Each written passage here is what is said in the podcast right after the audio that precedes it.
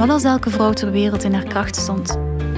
Wat als ze haar waarheid durfde spreken, haar creativiteit in de wereld durfde zetten en haar intuïtie durfde volgen? Ik ben Nathalie Janssen de Bissoven, auteur, coach, mama en oprichter van Wolvin. En dit is mijn droom. Zelf kom ik van een long line of wild women en het is bijna onmogelijk om uit te drukken hoe waardevol dat voor mijn eigen groei is geweest. En dus maakte ik er mijn missie van om de wijsheid van de ontembare vrouw toegankelijk te maken voor zoveel mogelijk vrouwen. Want meer dan ooit heeft de wereld vrouwen nodig die ongecensureerd spreken, ongebreideld dromen en onuitputtelijk bouwen aan datgene waarin ze geloven. Reclaim Your Wild is de missie van Wolvin en het is waar deze podcast over gaat. Dit is waar ik mijn meest waardevolle inzichten deel en die van andere ontembare vrouwen die mijn pad kruisen. Het is inspiratie om je in beweging te brengen en houden. Is jouw tweewekelijkse afspraak met je meest wilde zelf. Dit is de Wolvin Podcast. Hallo en welkom bij een nieuwe aflevering van de Wolvin Podcast. Zoals steeds hoop ik dat het goed gaat met je. Ik hoop dat je het gevoel hebt dat je leeft. Ik hoop dat er draden, grote of kleine avonturen doorheen je dagen zijn verweven. Dat je je gedragen en veilig voelt waar je bent en dat je aan het groeien bent. En als dat niet zo is, dan hoop ik dat je de weg vindt naar de Wolvin website uh, om geïnspireerd en gegidst te worden naar het maken van een aantal nieuwe keuzes misschien. De aflevering van vandaag is er alweer één die ik al heel lang wilde maken, namelijk over Marie-Louise uh, Plovier-Chapelle, mijn overgrootmoeder. Um, als de intro van de podcast zegt dat ik eh, van een long line of wild women kom, dan is zij het startpunt, of tenminste het startpunt voor mij. Zonder haar was er geen wolvin, uh, als ik daarover nadenk. Um, en ook al is ze al 18 jaar overleden, mijn liefde voor wilde vrouwen, die start zeker bij haar. Of mijn, ja, mijn voorliefde, mijn, mijn link met wilde vrouwen, die, dat, begint eigenlijk bij haar. Dus is het ook, zou ik maar zeggen, heel erg treffend, heel erg juist, dat zij er een, ehm, een plekje krijgt hier op de podcast. De bedoeling van vandaag is dat ik heel kort haar leven ga schetsen. Uh, een beetje biografisch, want de meeste van jullie, om niet te zeggen iedereen uh, of niemand, kent haar eigenlijk echt. Dus wie was ze?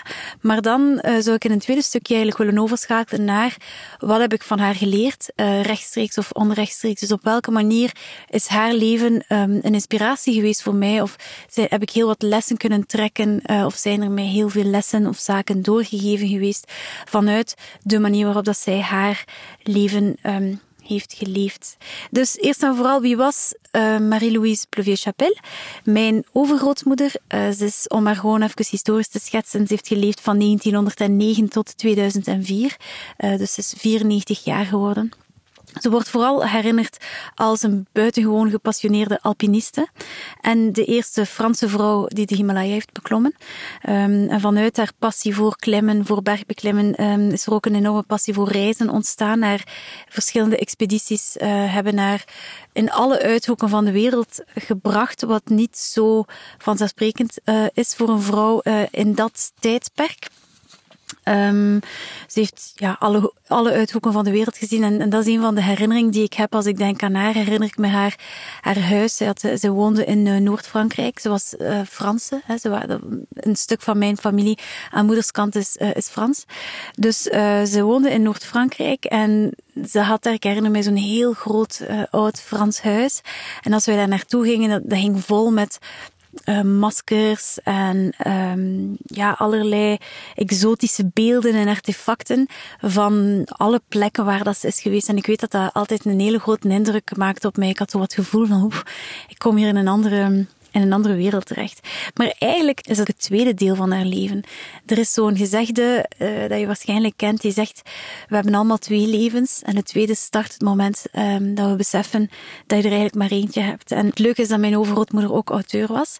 Ze heeft uh, een aantal boeken geschreven en uh, het leuke daaraan is dat je via die boeken eigenlijk rechtstreekse transferenties krijgt van haar, dat je op heel wat zaken echt haar um, first-hand view of haar mening of de manier waarop dat bepaalde dingen voor haar en voor haar, dat je dat echt uit die boeken kunt gaan halen. En in een van haar boeken, Une femme et la montagne, een vrouw en de bergen, beschrijft ze eigenlijk onder andere hoe dat ze dan bij dat bergbeklimmen um, is gekomen.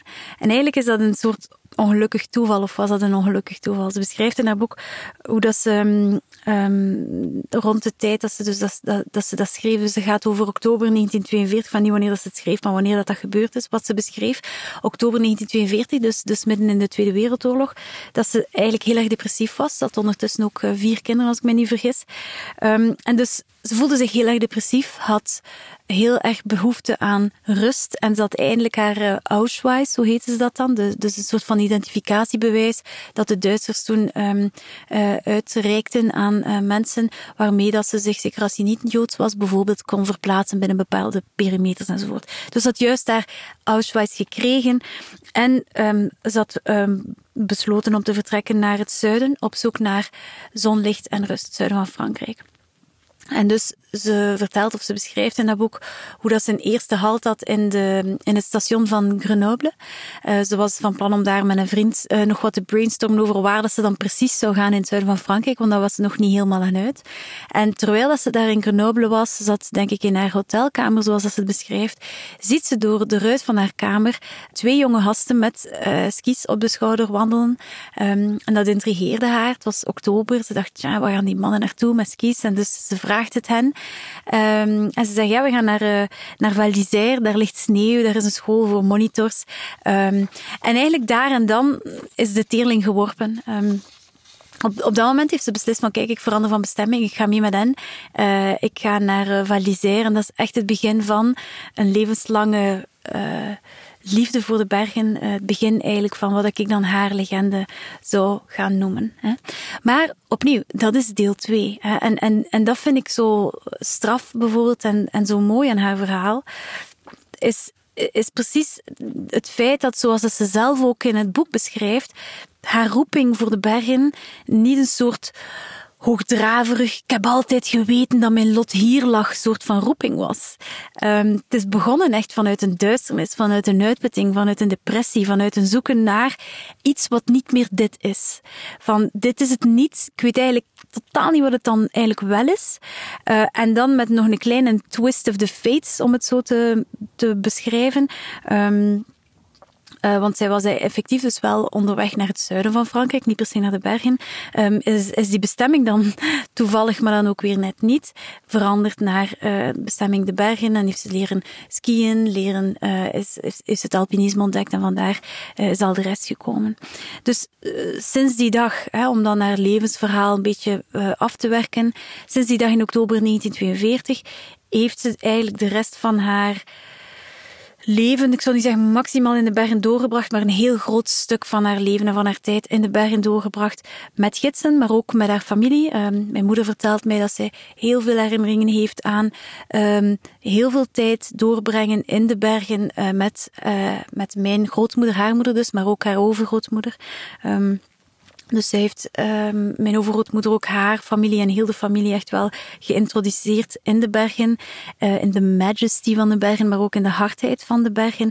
Um, dat hebben ze allemaal via haar mogen um, leren. En tot op de dag van vandaag gaan we nog steeds naar de plek waar zij haar chalet had en, enzovoort. Dus dat is wel een, mooie, een mooi verhaal. Het is ook, um, zoals ik zei, van daaruit is ze dan ook uh, de wereld rondgetrokken op eindeloze expedities. Heeft ze dan uh, ook verschillende boeken geschreven, onder andere ook een boek over haar expeditie in de Himalaya. En is ze dan op 94-jarige leeftijd na een vol en avontuurlijk leven um, overleden.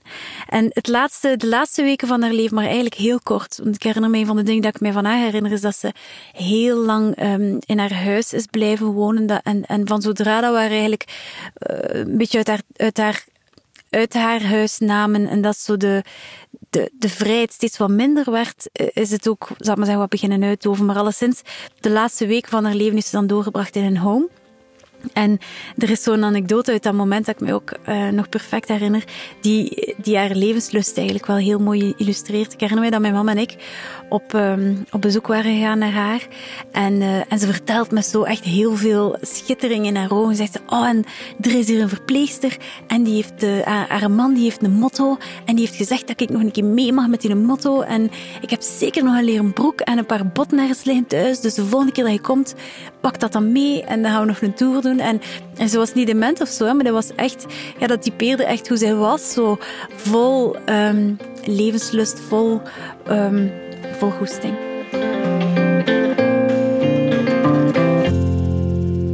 Dus dat is wie zij was. Dat is in het kort haar, haar biografie, zal ik maar zeggen. Het heel kort uiteraard. Het gaat me niet per se over haar biografie of precieze chronologie van haar leven. Maar veel meer wat ik wil meegeven van wat heb ik van haar geleerd? Uh, zodanig dat ik hoop dat ze ook voor jullie iets kan betekenen misschien. Of dat, ze, dat je uit haar leven ook wel dingen kan uh, oppikken dat, dat inspirerend kunnen zijn voor jullie. Wat leerde ik van haar? Wel, eerst en vooral, en dat is misschien een detail, of je kunt dat misschien als iets oppervlakkigs bekijken. Um, maar wat ik van haar leer, onder andere, is dat stijl en avontuur um, kunnen samengaan. Ik herinner mij mijn, groot, mijn overgrootmoeder altijd als een buitengewoon stijlvolle vrouw. Zo flarden van herinnering die ik heb, zijn altijd haar nagels. Die waren altijd uh, in een hele mooie manicure, altijd met hele leuke kleuren. En ik weet dat dat mij raakte als kind, dat ik dacht, ah, oh, daar is ze weer met haar mooie nagellak en, en haar, die had altijd kleedjes aan en die zag er altijd super, super verzorgd uit. Um, Terwijl en tegelijk dat dat ook een buitengewoon avontuurlijk iemand was. Dus die combinatie vind ik heel, heel boeiend. Ook als ik bijvoorbeeld foto's zie van haar nu als jongere vrouw, dan denk ik, wauw, weet je, die, ja, die had buitengewoon veel stijl. Maar die kon dat zo heel mooi trouwen met ook een belachelijk avontuurlijk iemand zijn. En, en, en echt eh, tegelijk ook um, met heel weinig luxe kunnen uh, leven. Heel veel, um, ja, zeker bergbeklimmen in die tijd. Dat was echt hardcore. Ze beschrijft ook dingen in haar boeken over zo bepaalde hotels en dingen waar dat ze dan heeft overnacht. Dat je denkt, ja, dat is echt, wij kunnen ons dat niet meer herinneren. Dus mijn, moeder beschrijft dat ook, de tijd dat zij bijvoorbeeld naar haar chalet gingen toen. Ja, dat was uh, in, in, in de vrieskou naar het toilet gaan en dat soort zaken. Dus, dus ze, ze, kon, ze had zo echt die twee, dat ze kon verenigen. Dat, vond ik, dat vind ik heel mooi. Tegelijk heel stijlvol, heel verzorgd en tegelijk ook gewoon ja, de hardheid van iemand die de natuur uh, up close and personal kent. Um, die, die heel avontuurlijk is. En die, die, die, en wat ik mooi vind is dus, ze heeft die stijl, maar ze kan die ook perfect loslaten. Zo. Die, die combinatie die wij soms als een paradox zien, maar die eigenlijk ook heel mooi kan worden verenigd um, in een vrouw, vond ik altijd heel, um, heel inspirerend bij haar. En er is trouwens in haar boek ook een foto. Uh, ik zal zal kijken of ik hem op een of andere manier, uh, het zijn de show notes of in de post, uh, kan, kan verwerken. Een foto van haar die leert skiën. En je ziet haar in de sneeuw zitten met van die, ja, van die old school skis. En dan een super schoon kleed aan. Zo, um, wat dat ook weer heel typerend is voor, um, voor, die, voor die eigenschap van haar. Het tweede iets wat ik van haar heb geleerd is dat de lokroep van de ziel geen walk in the park is. En wat bedoel ik daarmee is dat als je legende gaat leven, dat dat meestal met een prijs komt. Zowel voor jezelf als voor de mensen rondom je. Um, ik weet bijvoorbeeld via mijn moeder dat mijn, mijn grootmoeder uh, best wel heeft afgezien uh, door het feit dat mijn, uh, mijn overgrootmoeder er vaak niet was. Dat mijn grootmoeder um, heel erg het gevoel heeft gehad, en waarschijnlijk niet ten onrechte, dat zij als soort van uh, stand-in mama heeft moeten invallen voor haar broers en zussen toen in die tijd. En haar jongste zus was dan ook al niet altijd een evidente, dus dat, was, dat heeft daar uh, ongetwijfeld voor een stukje van een zorgeloze kindertijd een beetje um, beroofd. Ik weet ook dat uh, de andere zus dan, hè, mijn... Um, mijn grootmoeder, haar, haar zus, uh, het daar ook best wel moeilijk mee gehad heeft. En ik veronderstel dat een man dat waarschijnlijk ook niet zo evident vond. Het was, in die tijd is het absoluut niet zo vanzelfsprekend dat een vrouw gewoon haar ding ging doen en de bergen introk met ook andere gidsen enzovoort. Um, ik weet ook dat mijn grootmoeder bijvoorbeeld uh, daar best wel wat schaamte rond had. Dat haar moeder zo anders was dan andere moeders, waardoor dat zij eigenlijk ook ja, zo anders was dan andere kinderen van haar leeftijd en zo. Dus um, wat ik, daar, wat ik daar vooral wil uithalen is dat um, elk heldenverhaal ook een schaduwkant heeft. En die krijgen we niet altijd, omdat we zo um, geïnspireerd worden door het rolmodel en door de held, um, waardoor dat we soms, maar zeggen, waardoor dat de valkuil bestaat, dat we denken, een heldenverhaal is altijd alleen maar licht en, en, en, en, en, en goeds. En nee, ik denk dat in de schaduw van elke held um, ook best wel wat pijn en ontgoocheling en gemis en, en tekort heeft bestaan. Dus de, de reden waarom dat ik dat vastneem, is zeker niet om uh, de verwezenlijking van mijn grootmoeder op een of andere manier te verminderen, maar wel om, um, en iedereen die luistert ook, omdat ik dat wel merk in de praktijk, dat we, dat we denken, ja, maar ik kan dat niet doen, want wat gaat dat zijn voor, wat gaat dat betekenen voor mijn kids of voor mijn, of voor mijn, of voor mijn man of voor whatever, wat gaan de mensen daarvan denken? Dat is zo, dat is correct. Denk dus maar niet dat je je, je dromen kunt na, achterna gaan zonder dat er daar iemand raar over gaat opkijken of dat er ergens een bluts of een buil gaat ontstaan. Daarom wil ik dat stuk erbij betrekken, want ook bij mijn grootmoeder is het niet een eenzijdig wauw, wat een geweldig leven en wat een geweldige vrouw. Het is uiteraard een geweldige vrouw en ze heeft buitengewoon intens geleefd. En dat betekent dat er ook in de schaduw van zo'n intens leven wel wat uh, pijn, verdriet um, enzovoort uh, heeft bestaan. Hè. Maar tegenover staat, en dat is dan het, zal maar zeggen, meer derde stukje die ik daarvan um, voor mezelf ook wel heb meegenomen. Want uiteraard, als je heel klein bent, dan denk je, oh, mijn overgrootmoeder was een mega heldin. En naarmate dat je groter wordt, begin je te beseffen van, ja, maar oei, wacht er zijn, het, verhaal is genuanceerder dan zij was een heldin. Er is ook, ja, maar wat heeft het betekend dat zij zo hard haar ziel is gaan volgen en, en haar legende is gaan leven? Ja, dat heeft ook wel een aantal consequenties gehad. Maar het derde stukje dan daarbij is voor mij, wat, dat is iets wat ik mij dan achteraf ook bedacht, is wat zou de prijs zijn geweest die we ook met z'n allen hadden betaald, mocht ze het niet hebben gedaan? Ja, mocht, ze, mocht ze niet haar hart hebben gevolgd en haar ziel hebben gevolgd, dan mocht ze hebben oh, dat is misschien allemaal een beetje gek. Ik ga gewoon even in het tuin van Frankrijk aan het strand liggen en binnen een maand of twee kom ik terug. Ik denk dat ze enerzijds heel rechtstreeks, hè, was ze zeker um, een, een, een, een, een bittere, levensloze, depressieve vrouw geweest of geworden, uh, als ze niet haar, haar, haar, de lokroep van haar ziel had gevolgd. En dat zou dan wellicht nog nog meer toxisch zijn geweest voor haar kinderen, haar man, haar rechtstreeks context. Maar, maar ook eh, in een, in een iets minder rechtstreekse verbinding. Wat een gemis zou het geweest zijn voor mezelf, voor mijn moeder, voor mijn grootmoeder, maar ook voor, heel, voor veel meer mensen, als zij niet het rolmodel was geweest die ze is geweest voor ons. Um, als ik er bijvoorbeeld bij stilsta, uh, wat een invloed die zij heeft gehad. Niet alleen binnen haar eigen familielijn, maar bijvoorbeeld als ik zie hoe dat mijn moeder, mijn, moeder is ook uh, psychotherapeut, heel veel van het werk dat zij doet, is voor een stuk ook die legacy doorgeven van mijn overgrootmoeder. Vrouwen, jonge vrouwen, volwassen vrouwen, de toestemming geven om te zeggen, luister naar je hart.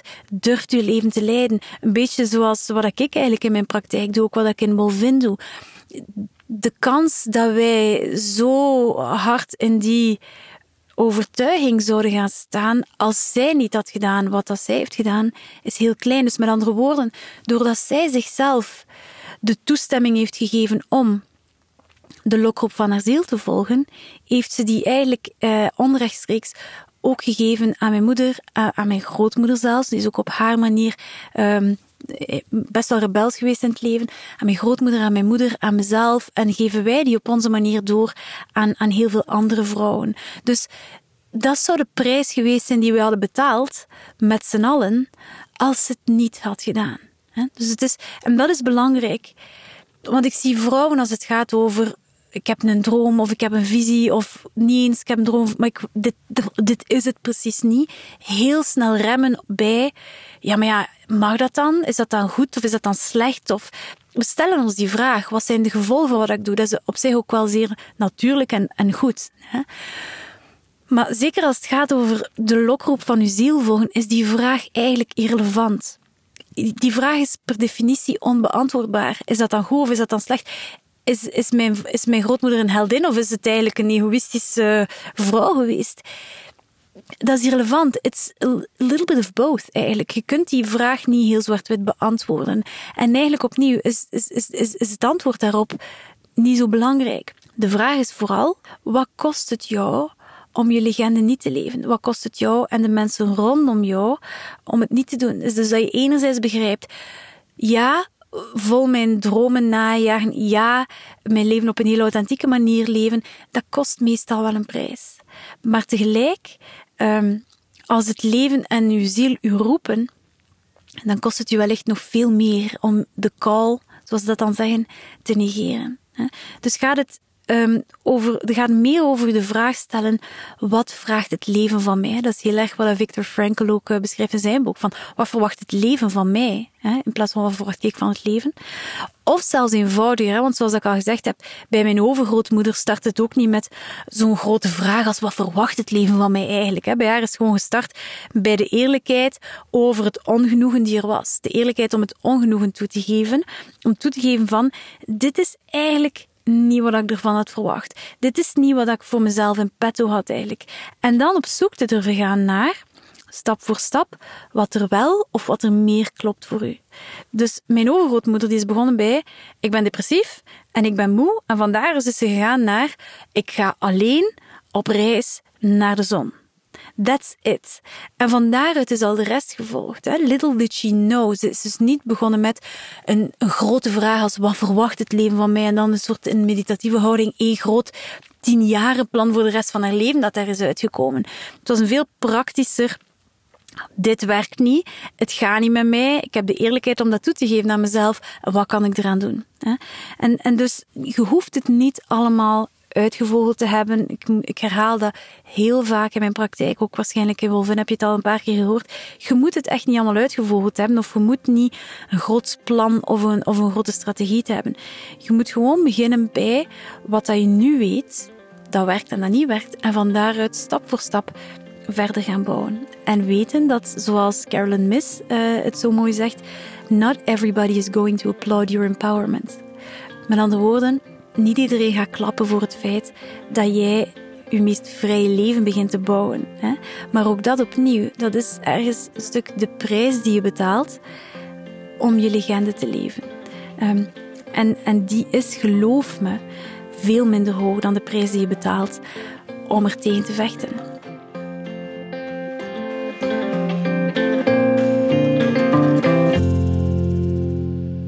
Ook, uh, dit wil ik nog even meegeven. Uh, misschien denk je wel, oh, maar ik heb niet zo'n sterke vrouwlijn in mijn familie. Hè? Ik heb niet zo uh, een overgrootmoeder zoals die van nu. Of, of dat zit, ik zie dat niet. Enige dat ik zie in mijn familie, of dat ik heb gezien, zijn vrouwen die zich klein hielden, vrouwen die zich hebben weggestoken. Wel, dan begint het bij jou.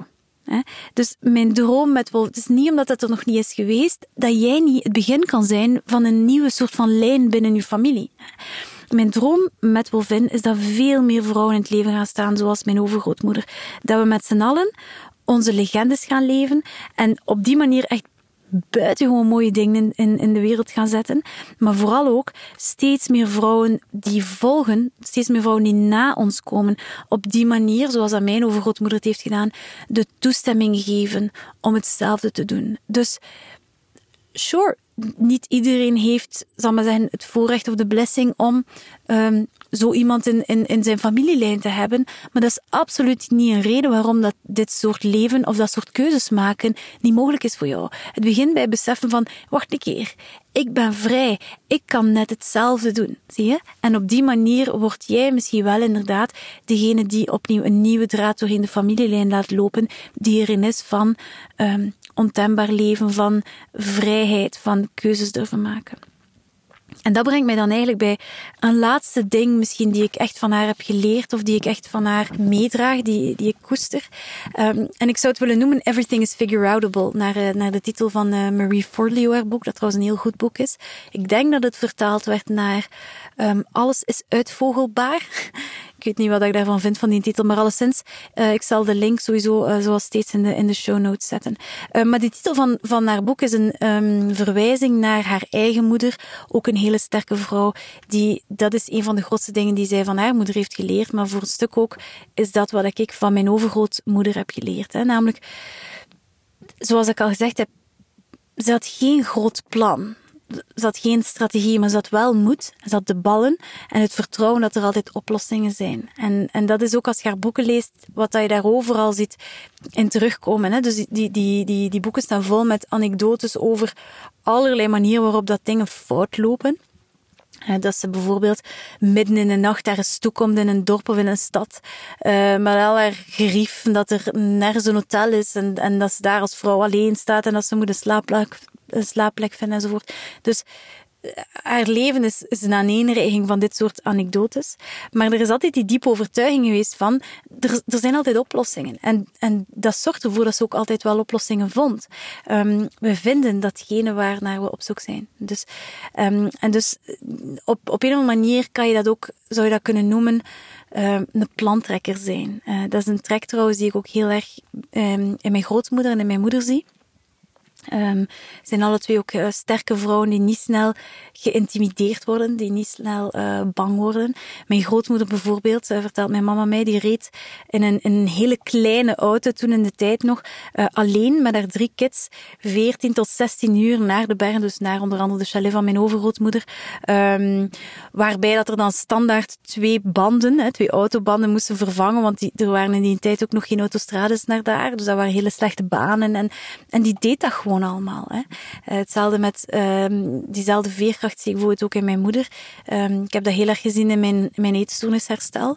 Mijn moeder um, is doorheen heel die periode altijd heel krachtig en heel rustig gebleven. Zeker naar mij toe. Ik ga niet zeggen dat ze nooit een keer misschien een moment had van oh my god, komt dat wel goed? Maar naar mij toe is dat altijd... Ik kon, ik kon heel erg haar overtuiging voelen van dat komt goed en we gaan dat hier oplossen. En dat, heeft, dat is super helpend geweest, uiteraard voor mij.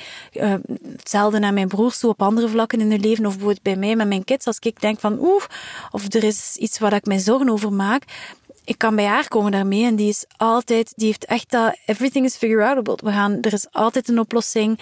Um, en we gaan, dat wel, we gaan dat wel vinden. Het is trouwens iets wat ik ook aan, aan mijn kids probeer mee te geven. En dat vind ik wel fijn, want Justin hoor ik dan zo af en toe zeggen, ja, want elk probleem heeft een oplossing, hè mama? En dan denk ik, yes. Um, goed bezig, want is dat dat je, ik vind dat een heel waardevol iets om met u mee te dragen, is weten van, elk probleem heeft een oplossing. Everything is figure outable. Um, en ik denk dat het ook vanuit die overtuiging is um, dat ik als, als kind ook altijd de vrijheid heb gevoeld om mijn eigen pad te mogen bewandelen.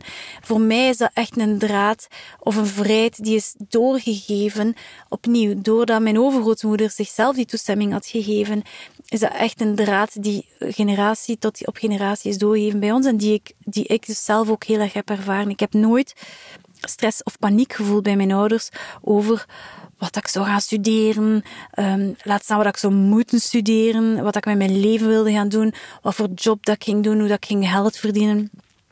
Um, ja, ik voelde mij daar en ik was daar ook gewoon vrij in. Ik voelde van mijn ouders de boodschap van doe wat dat klopt voor u. En als je doet wat je graag doet, dan ga je daar altijd wel je weg in vinden en je weg vinden in het leven. Um, en dat is een, een, een ongelooflijke blessing geweest voor mij die vrijheid um, en dat vertrouwen. En opnieuw, ik ben er zeker van dat dat op zijn minst gedeeltelijk voor een stukje vanuit, vanuit uh, ook mijn overgrootmoeder um, is gekomen. En dan, en dat is iets wat ik daar achteraf ook bij bedacht, is, ik denk dat, dat die manier van in het leven staan typerend is voor iemand die uh, heel dicht bij het leven staat. Wat bedoel ik daarmee? Ik herken dat eigenlijk een beetje um, met surfen en kitesurfen. Mensen, de meeste mensen weten wel dat ik, ik kitesurf ook. En bijvoorbeeld afgelopen weekend uh, was er wind, uh, best wel wat, maar vooral ook hele grote golven, maar echt, echt hele, hele grote golven. Um, en eh, onder die condities op zee zitten, jij met je plankje en je kite weet je, jij tegen de natuurelementen, enfin, eigenlijk beter jij met de natuurelementen, maar dat doet iets met u. Um, dat, dat, dat, dat, zet alles echt wel in een, in een ander perspectief. Het zet uw dagelijkse bezorgdheden echt wel in een ander perspectief. Ik herinner mij um, in het begin dat ik, ik en Nick samen waren, dat wij zo, zeker in de winter, als het dan wat minder wordt gesurfd, dat we tegen elkaar konden zeggen, want het is tijd dat je nou een keer op het water gaat. Want dan, wij waren dan zo uptight over zo van die dingen, dat je denkt, dude, dat doet er echt niet toe. Um, dus, waarom zeg ik dat? Ik denk dat dat soort van, hoe moet je dat nu noemen? Chillheid, relaxheid, ik weet niet hoe dat ik het moet noemen, maar dat soort van, snel kunnen relativeren, bepaalde dingen misschien snel kunnen relativeren, niet snel in paniek slaan, dat dat nogal typerend is voor um, mensen die op een of andere manier heel dicht bij het leven, heel dicht bij de natuur staan. En dat het dus denk ik ook iets is wat mijn overgrootmoeder uit haar expedities in de bergen uh, meenam. Hè. Zoals ik al gezegd heb, vanuit uit haar boek en zo kan je ook zien, zeker alpinisme in die tijd opnieuw het was echt niet een walk in the park. Hè. Dat was absoluut niet comfortabel vaak. Het was zelfs eh, best wel gevaarlijk bij momenten. Het is nog altijd, maar ondertussen zijn we toch wel um, meer dan 50 jaar verder. Dus, dus het is toch een heel andere, um, een heel andere periode. Uh, dus ongetwijfeld heeft hij ook heel vaak zo die, wat ik dan, zo die fierce intimacy met life ervaren. Van wow, oké. Okay, dat is, dan, dan, dat plaatst, als je zo dicht bij het leven komt, dat is vaak wat er ook gebeurt uh, in, in crisismomenten of in bij de dood, is dat plots komt alles in een ander perspectief te staan. En you see things really clearly. Um, en ik vind dat die, een van de grote voordelen als je inderdaad via bepaalde soms extreme sporten, um, of zelfs gewoon sporten in het algemeen, dat je dat het u helpt om toch een ander perspectief op de zaken te hebben. Ik ben zeker dat dat dus ook wel, uh, dat die, die veerkracht, die plantrekkerij, dat dat ook een soort van een trait is die daaruit, daaruit verder ontwikkeld is. De schaduwkant daarvan, hè, van zeker dan de plantrekker, uh, en dat is iets wat ik bij mezelf zie, dat ik ook bij mijn moeder zie, uh, dat ik zeker bij mijn grootmoeder ook heb gezien, is dat omdat we zo hebben geleerd om op onszelf terug te vallen, om oplossingen te vinden, om dingen op te lossen, is dat we heel moeilijk of heel zelden hulp vragen of hulp aanvaarden. En daar ontstaat eenzaamheid. Oké, En soms zelfs ook een beetje wrok uh, of, of, of, uh, of afgunst naar de mensen waarvan we dan verwachten dat ze ons zouden moeten helpen, maar we vragen geen hulp enzovoort. Dat is een, een, een topic voor een hele andere aflevering. Maar ik wil het er wel heel even bij halen en even aanraken. Um, sterk zijn is niet per se, ik kan alles alleen, maar is I'd be fine alone, maar ik vind het wel comfortabel. Ik vind het wel fijn dat je mee wandelt, meedenkt, meedoet met mij. Um, en dus dat het ook daar weer, het is niet zwart-wit als in, wauw, die kan alles alleen, wat een heldin. Weet je, het is meer, het is meer genuanceerd, it's more layered. Er, zit, er zijn verschillende aspecten aan, um, aan die eigenschap. Maar opnieuw, dat is eigenlijk wel, zal maar stof voor uh, een hele andere aflevering um, op zichzelf. Voor nu zou ik het eigenlijk hierbij willen laten. Het is zeker een hele korte synopsis van de persoon die mijn overgrootmoeder was. Um, maar ik wil ook de tijd van, onze, van de podcast respecteren en niet te, te lang maken. Dus zou ik het hierbij willen laten. Ik hoop dat het verhaal van mijn overgrootmoeder je mag inspireren en je mag aanmoedigen om je eigen legende misschien nog meer te gaan leven. Hoe, dat, hoe dat er dan ook uitziet. Um, voor jou. Um, en verder dank ik je geweldig voor het luisteren en zie ik je heel graag binnen een tweetal weken terug. Bye bye. Dankjewel om te luisteren. Ik hoop dat deze aflevering je raakte, inspireerde en in beweging brengt. Heb je vragen of bedenkingen? Of wil je gewoon delen wat de aflevering met je heeft gedaan? Mail naar hello.wolvin.be. Wil je samen met mij zoveel mogelijk vrouwen in hun kracht zetten? Deel deze aflevering dan met je vriendinnen of via Instagram door een screenshot te maken van de aflevering die je zo net luisterde en tag zeker atwolvin.be. Om de podcast te steunen is abonneren en een review laten het beste wat je kunt doen. En tenslotte, wil je meer Wolvin? Surf dan naar www.wolvin.be en ontdek er de blog, de komende live events en de heerlijke lifestyle essentials.